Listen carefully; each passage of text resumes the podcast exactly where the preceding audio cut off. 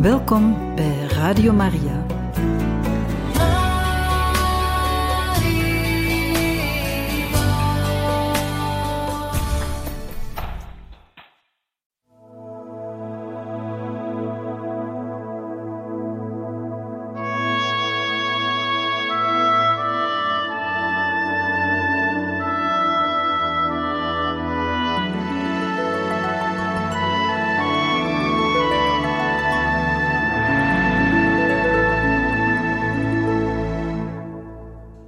Beste luisteraars van Radio Maria, hartelijk welkom in dit programma Heilige Getuigen, waar wij verder gaan en de laatste lezing houden van het boek Montse Gracis tot alles bereid, geschreven door Edith Zeltner en uitgegeven bij de Boog. We waren bij hoofdstuk 6, de hemel, en gaan hiermee verder. Montse is dus in haar laatste fase van haar kanker van de botkanker die ze heeft en gaat nu voor de laatste keer naar het centrum van Liar. We hopen dat deze lezing u veel deugd zal doen. Midden februari was ze voor de laatste keer in het centrum. Ze at er smiddags zelfs met de anderen. Maar alleen Rosa wist hoe slecht de tocht erheen was verlopen. Bij het in de lift stappen klampte ze zich aan Rosa vast. Tranen sprongen in haar ogen van pijn. Het was een van de weinige keren dat Rosa haar zag huilen. Bij het naar huis gaan was het nog erger. Ze moest door twee mensen ondersteund worden. Elke aanraking deed vreselijk pijn. Ze liet niets merken, maar van haar gezicht viel af te lezen hoe ze leed. Wie haar enkele dagen niet had gezien, schrok van haar toestand. Ze nam nog afscheid in de kapel en daarna van Lia. Met een overweldigende eenvoud zei ze: Ik denk dat ik nu niet meer kan komen. Dat met mijn been wordt steeds moeilijker. Montse bleek verbazend sterk te zijn. Maar hoe ging het met haar ouders? Op het eerste gezicht leken zij elkaars tegenpolen te zijn, maar in feite vulden zij elkaar goed aan. Manuel hoopte tot het laatst op een wonder. Hij volgde nauwlettend en met kinderlijk vertrouwen elke therapie en beelde zich zelfs in vooruitgang te zien. Manolita echter, die de meeste tijd met Montse doorbracht, was de nuchtere van de twee. Ze zag als haar belangrijkste taak Montse te helpen haar pijn te verdragen, voor zover die niet bestreden kon worden. Ze wilde zelf geen zwakheid tonen, wat vooral bij het verwisselen van het verband en het verschonen van de lakens bijna het onmogelijke van haar vergde. De bezoekers hadden de indruk dat haar geduld en fijngevoeligheid onuitputtelijk waren. Ze at en sliep tussendoor, als het uitkwam. Ze wist dat het Montse rustig maakte als ze merkte dat het gezin niet moe en gestrest was. Doordat Montse zo sterk bleek, maakte ze het haar omgeving een stuk makkelijker om de onvermijdelijke pijnlijke gebeurtenissen die bij een ziekte in het laatste stadium horen, beter te kunnen verwerken. Op een zaterdagmiddag vroeg ze de dokter, na het opnemen van de bloeddruk, heel rechtstreeks: En, hoe gaat het met mij? In de kamer werd het stil. De aanwezigen waren terneergeslagen en keken elkaar aan. Hm, Montse, zei de arts, het loopt op zijn eind. Voordat iemand in huilen kon uitbarsten, greep Montse die er niet tegen kon iemand bedroefd te zien, snel naar een tijdschrift op haar nachtkastje, sloeg een bladzijde om en zei: Papa, kom eens hier, ik moet je wat laten zien. Toen ze niet meer in staat was naar de Eucharistieviering te gaan, bracht de priester haar vanuit Liar elke dag de heilige communie en ze biechten bij hem zo vaak ze wilde. Voor het sacrament van de vreugde had ze steeds enthousiast reclame gemaakt. Na de communie, als de priester was vertrokken, lag ze een tijdje stil in haar bed en bedankte Jezus die in het sacrament bij haar was gekomen.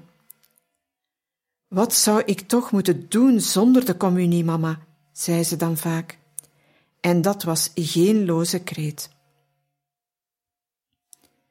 Door de hevige pijn en de lange slapeloze nachten dommelde ze overdag vaker in.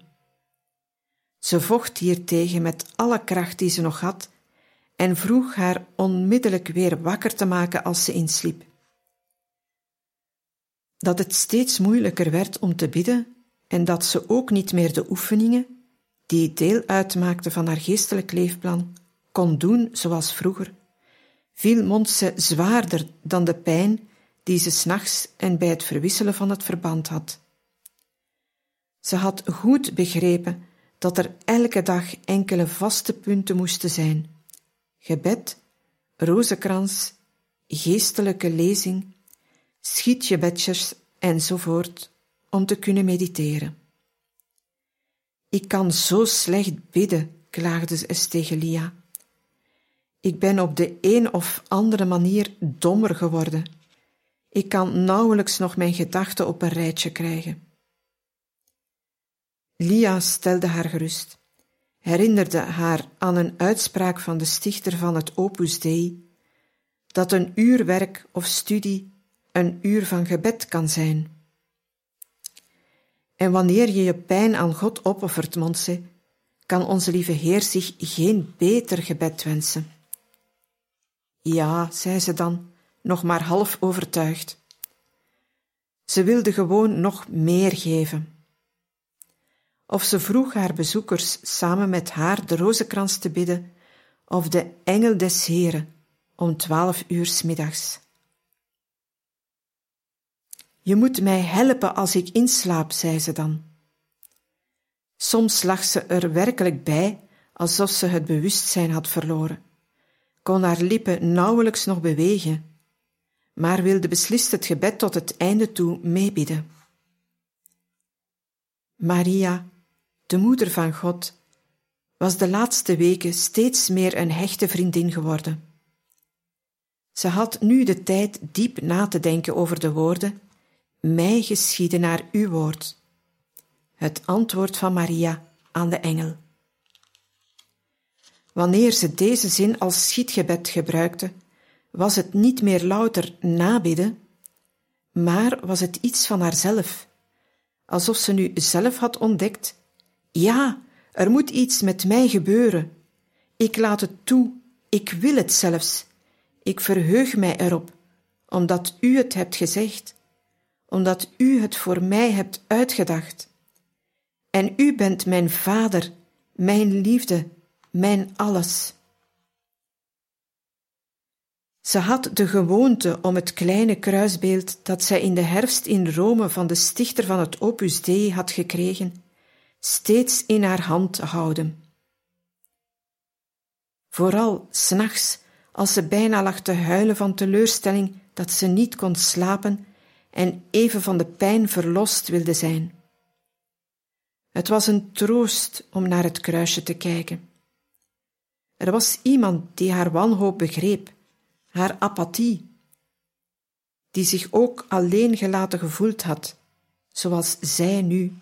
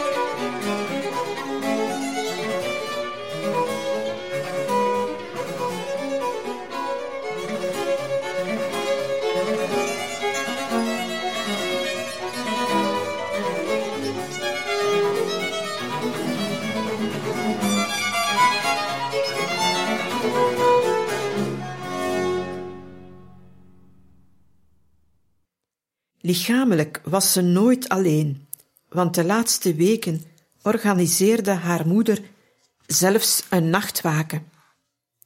Men wisselde elkaar af. Manolita, Manuel, Lia, iemand uit Liar en dan weer moeder Manolita. Hoe is het als je doodgaat? Op 8 maart morgens stelde Montse haar moeder deze vraag.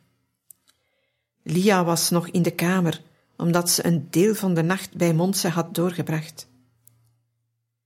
Ik geloof, antwoordde Manolita met overtuiging, dat je inslaapt en onmiddellijk in de hemel komt. Gaat het zo gemakkelijk? zei Montse bijna teleurgesteld. Zonder pijn? Lia zuchtte, terwijl ze in gedachten optelde wat Montse allemaal te lijden had, maar ze zweeg, omdat Montse zo vreemd keek. En toen zei Montse opeens met half gesloten lippen: O jee, mama, dan kunnen we helemaal geen afscheid meer van elkaar nemen. Nou, Montse, dat doen we dan toch nu? Lia zag hoe Manolita naast het bed knielde en Montse haar met haar magere armen omhelsde. En zo bleven ze elkaar lang vasthouden, moeder en dochter. Na dit afscheid trad bij Montse met alle hevigheid een nieuwe fase in. De uitzaaiingen in de longen bezorgden haar ernstige ademnood, en wie er niet op voorbereid was, dacht dat ze elk moment zou stikken. Ze wilde nog graag het sacrament van de zieke ontvangen, zolang ze nog bij bewustzijn was. Manuel legde haar precies uit wat er bij dit sacrament zou gebeuren, wat de zalvingen en gebeden betekenden.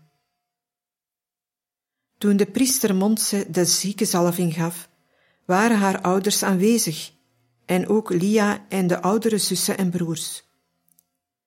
Enrique was speciaal van het seminarie gekomen. Toen de korte ceremonie voorbij was, leek Montse een ogenblik wat meer ontspannen. Ze greep de hand van haar moeder en mompelde: Ik verlang er echt naar. Kan het niet eindelijk voorbij zijn? En als onze lieve Heer wil dat je nog wat meer lijden opoffert voor de vele mensen voor wie niemand bidt, voor de kerk, voor de paus, voor het Opus Dei, voor je broers en zussen. Denk je dat je dit nog kunt? En Monse knikte. Oké, fluisterde ze, ik kan het nog wel een paar dagen volhouden. Niemand had kunnen denken dat het nog zoveel dagen zou duren. In de nacht van 16 op 17 maart voelde haar moeder de pols niet meer. Om vier uur in de ochtend belde ze de dokter, maar de pols werd weer sterker. Monse ademde zwaar en had dorst. Al sinds een paar dagen kon ze niet meer slikken. Haar vader, moeder of Lia hielden een stukje ijs bij haar mond waaraan ze kon likken. Monse was gelukkig. Misschien kom ik vandaag in de hemel, zei ze steeds weer. Haar ouders probeerden zich er samen met haar op te verheugen, maar de tranen rolden over hun wangen. We zullen je zo missen, zei haar vader. Denk eraan dat je niet vergeet voor ons te bidden. Ze vroeg steeds weer naar de hemel, hoe het daar zou zijn, of ze er wel heel zeker zou komen, en zei tegen iedereen die er was hoeveel zij van hen hield. Ze herhaalde schietgebedjes. Soms leek het of ze bang was, twijfelde aan het geluk dat haar stond te wachten. Ze klampte zich dan aan Lia of aan haar moeder vast en vroeg om gebed. Maar meestal duurde dat niet lang en was haar hoop terug, ongebroken. De hemel, de hemel, de hemel. Tegen de goede week ging het verder bergafwaarts, en de arts meende dat het elk moment kon aflopen. Ze werd steeds zwakker, kon nauwelijks nog spreken, probeerde het, vaak nauwelijks verstaanbaar. Tijdens de laatste dagen van haar leven was ze telkens weer erg bang voor de dood, en ze leed eronder dat ze zo weinig vertrouwen in Jezus had. Manolita probeerde haar te troosten en zei dat het heel normaal was. Zelfs Jezus zelf was bang geweest, had een vreselijke angst gehad in de Hof van Olijven. Eén keer klaagde Montse tegenover Lia dat ze er zo aan twijfelde of de hemel er wel was. Ik denk, stamelde ze en brak van vermoeidheid de zin steeds weer af. We beelden ons dit alles misschien alleen maar in, maar ik wil niet bang zijn. Dat zijn van die rare gedachten, die zijn helemaal niet van mij. Lia begreep het en stelde haar gerust. We blijven bij je, Montse. We houden allemaal van je. Je mama, papa, ik. Daar twijfel je toch niet aan, hè? Montse schudde haar hoofd. Nou dan. Op Palmzondag was ze heel onrustig, wilde steeds weer gaan zitten, sloeg om zich heen en sprak de schietgebedjes die ze anders zachtjes of half zacht bad, nu zo hard uit als ze kon. Jezus, ik hou van u, ik verheug mij u te zien. En dan heel mat, ik moet zo hard roepen, anders hoort hij mij niet.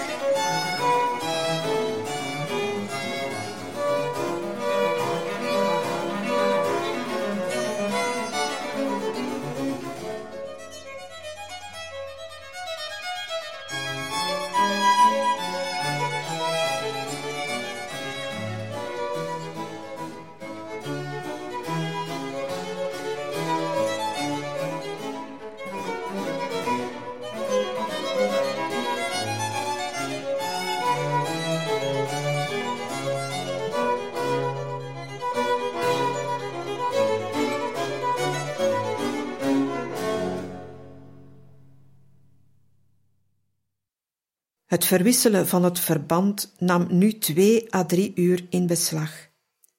Het was uiterst pijnlijk, veroorzaakte misselijkheid en moest telkens onderbroken worden. Maar nog steeds had ze de kracht om te lachen en tegen ieder op zijn beurt dank je wel te zeggen en bij alle mogelijke en onmogelijke gelegenheden te laten horen dat ze erg gelukkig was. Op dinsdag 24 maart was Montse zo zwak dat haar moeder besloot Rosa op te bellen. Ze had Rosa bijna drie weken niet meer bij Montse gelaten, maar nu wilde ze dat de twee afscheid van elkaar konden nemen. Toen Rosa aanbelde, waarschuwde Manolita haar. Je moet niet schrikken, Montse is erg veranderd. Maar Ondanks deze waarschuwing was Rosa met stomheid geslagen. Monse leek haar een levend lijk. Ze was mager tot op het bot. Door de huid van haar wangen waren haar tanden te zien. Ze kon lange tijd haar blik niet afwenden, bleef bewegingloos staan. Haar moeder moest Montse wakker maken. Ze keek op, herkende Rosa, maar kon niets zeggen. Ze greep Rosa's hand en drukte die voelbaar. Rosa kuste haar en fluisterde in haar oor. Montse, denk aan mij, vergeet mij niet, bid voor mij, Montse. Montse drukte haar hand vaster en knikte. Rosa was zo geschokt dat ze onmiddellijk naar huis ging. Ze vond het erg dat ze niet eens in staat was geweest mevrouw Grassis een hand te geven. Nu niet. Onderweg was ze helemaal in gedachten verzonken. Ze had deze weg naar huis al zo vaak gelopen. Haar benen gingen als vanzelf. Een gedachte speelde door haar hoofd op het ritme van haar ademhaling. Ik wil net zo sterven als Monse. Dat is het enige wat zin heeft. Ik wil zo sterven als Monse. Met u, Heer. O, en nog iets, Heer. Laat Monse niet alleen. Hoofdstuk 7 Bonaigua De nacht voor Witte Donderdag sliep Monse niet. Ze had uren nodig om haar moeder duidelijk te maken wat ze wilde. Licht. Ze wilde licht hebben om naar het Mariabeeldje te kunnen kijken dat ze zo vaak had gezien. Mevrouw Grasses verzette zich daartegen. Lia, die lang gewaakt had, was naast haar in slaap gevallen. Verder was kunstlicht toch al sinds een tijd een extra belasting voor Montse. Maar Montse leek heel gelukkig in haar plotseling helder verlichte kamer. Lia slaapt, fluisterde haar moeder en deed het licht weer uit. Montse antwoordde met het gebaar dat ze de afgelopen maanden honderden, ja duizenden keren had gemaakt met een oké, het geeft niet. Afzien van iets. Alweer moet ze van iets afzien, ging het door Manolita heen. Als ik het haar maar één keer kon besparen ergens van af te moeten zien. Langzaam werd het dag. De 26e maart, Witte Donderdag, de grote feestdag die het laatste avondmaal gedenkt dat Christus met zijn leerlingen heeft gevierd, de instelling van de Eucharistie en het priesterambt, de voetwassing. Montse wilde steeds weer wat zeggen, maar ze begrepen haar niet. Steeds weer probeerde ze het. Het gaat goed met mij. Super. Hoe gaat het met je? Goed, mama.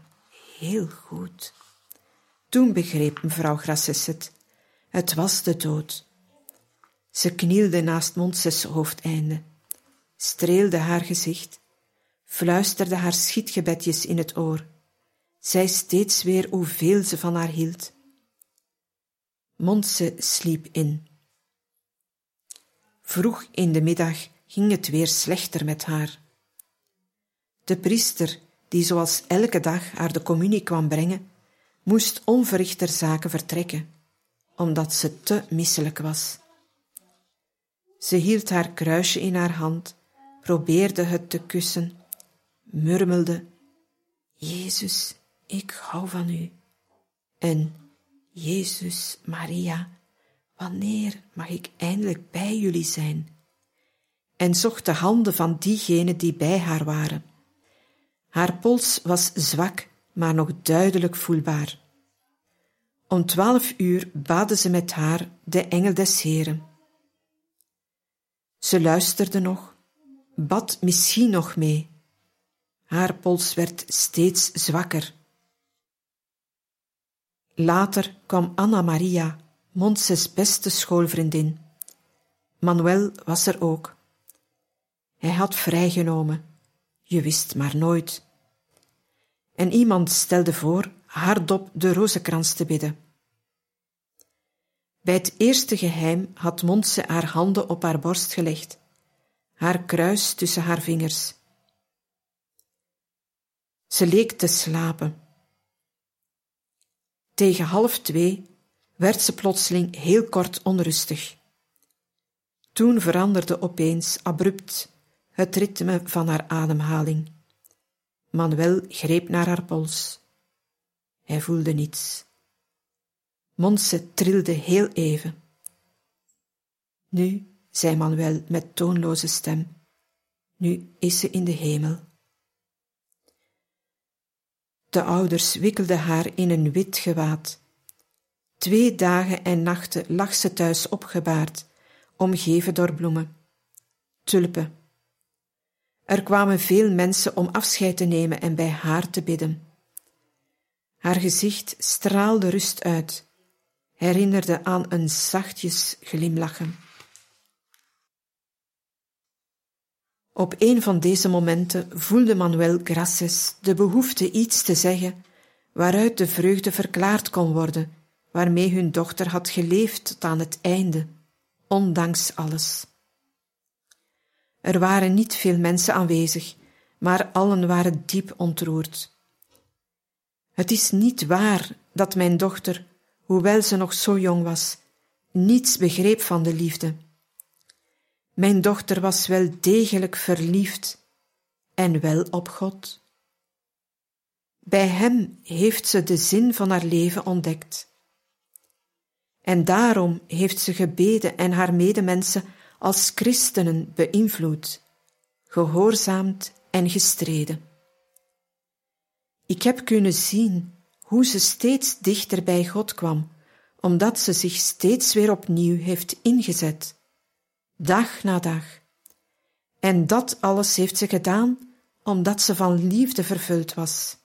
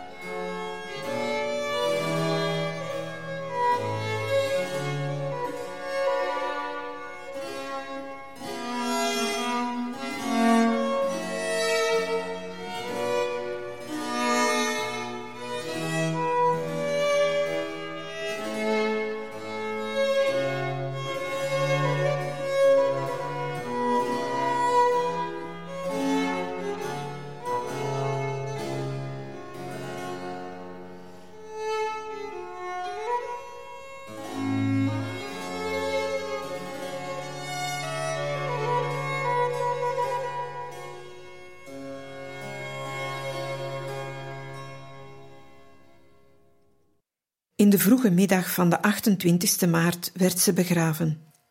Het was een stralende, warme zaterdag, de dag voor Pasen.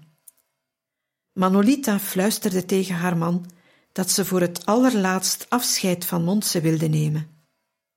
Het deksel van de kist werd nog één keer opengemaakt en de zon viel op Montses gezicht.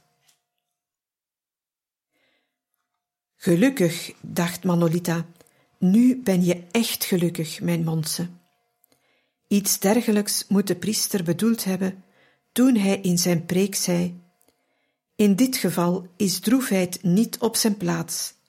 We moeten allen samen eerder een Alleluia zingen. Wist hij van Monses wens? Als ik doodga, moeten jullie niet bedroefd zijn. Nu alles voorbij was, hoorde Monse niet meer alleen aan haar ouders toe, aan haar broers en zussen en de vrienden van het Opus Dei. Als christen die tot het laatst trouw was gebleven aan haar geloof, zou ze een voorbeeld worden voor de mensen die niets buitengewoons voor de kerk doen, maar in het kleine bewijzen dat ze in staat zijn met daden en niet alleen met woorden lief te hebben. Daarom was het niet verwonderlijk dat de aartsbisschop van Barcelona, vier jaar na de dood van Montse, het kerkelijk proces voor de zaligverklaring opende. De volledige documentatie werd in 1968 naar Rome gestuurd, naar de verantwoordelijke congregatie in het Vaticaan. De uiteindelijke beslissing ligt bij de paus. Intussen is er een reeks artikelen over het leven van Montse gepubliceerd in kranten en tijdschriften. En er verschenen informatiebrochures in diverse talen. Mercedes Eguibar schreef een korte biografie die ook in het Engels werd vertaald. In 1993 en 1994 verschenen in Madrid twee uitvoerig gedocumenteerde biografieën van de hand van José Miguel Queas. Aan het begin van het proces werden bitprentjes met een foto van Montse gedrukt. Op de Nederlandse uitgave staat het volgende gebed. Heer, Gij hebt aan uw dienares Montserrat de genade gegeven om zich kalm en opgewekt aan uw goddelijke wil over te geven, en om deze overgave met een bewonderenswaardige eenvoud in de wereld te beleven. Geef dat ook ik met liefde mijn dagelijkse bezigheden aan u op mag dragen, in christelijke dienstbaarheid aan de naaste. Gewaardig u uw dienares te verheerlijken en verleen mij op haar voorspraak de gunst die ik u vraag. Amen. Met een Onze Vader, wees gegroet en ere zij de Vader. Monse stoffelijk overschot is op 16 juni 1994 bijgezet in de crypte van de kapel van Bonegua, een centrum van het Opus Dei in Barcelona.